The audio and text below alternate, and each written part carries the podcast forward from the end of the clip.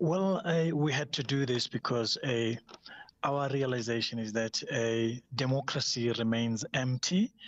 A democracy remains empty of uh, the aspirations of uh, liberation. Uh, the struggle itself uh, is not seen anywhere uh, in, in, in what is happening today in democracy, in parliament, and in the various legislatures, in policy, uh, nothing at all.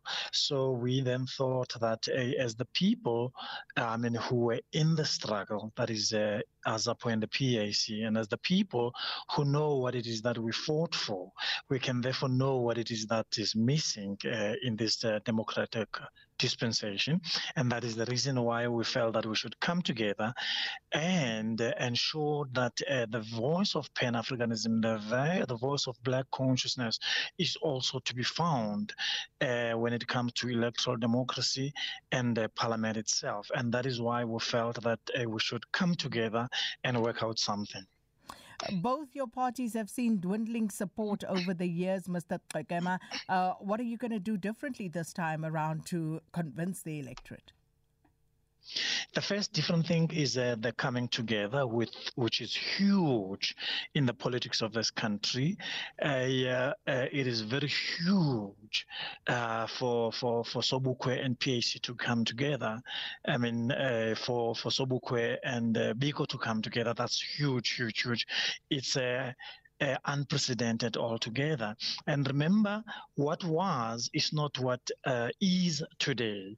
So we should never look at our organization in terms of uh, what happened last year, what happened five years ago, 10 years ago, but we should look at what is happening now, depending on what the foundation that they are building, bringing together these two organizations. Also, listen, look, and feel the happiness of the people uh, with with this declaration going out to them because this is what the people have been have been demanding all along, saying that these organizations should come together because they are better off when they are together than they are apart.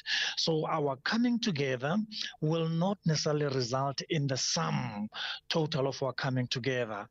Our coming together might, might just have a multiplying effect qualitatively speaking. So we will be better and better.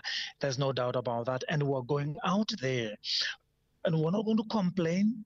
We're not going to whinge, and then we're going to participate. It doesn't matter how unfavorable uh, the conditions and the rules might be when it comes to electoral politics. We are just getting in there because we believe Black consciousness and Pan Africanism have just to be mainstreamed.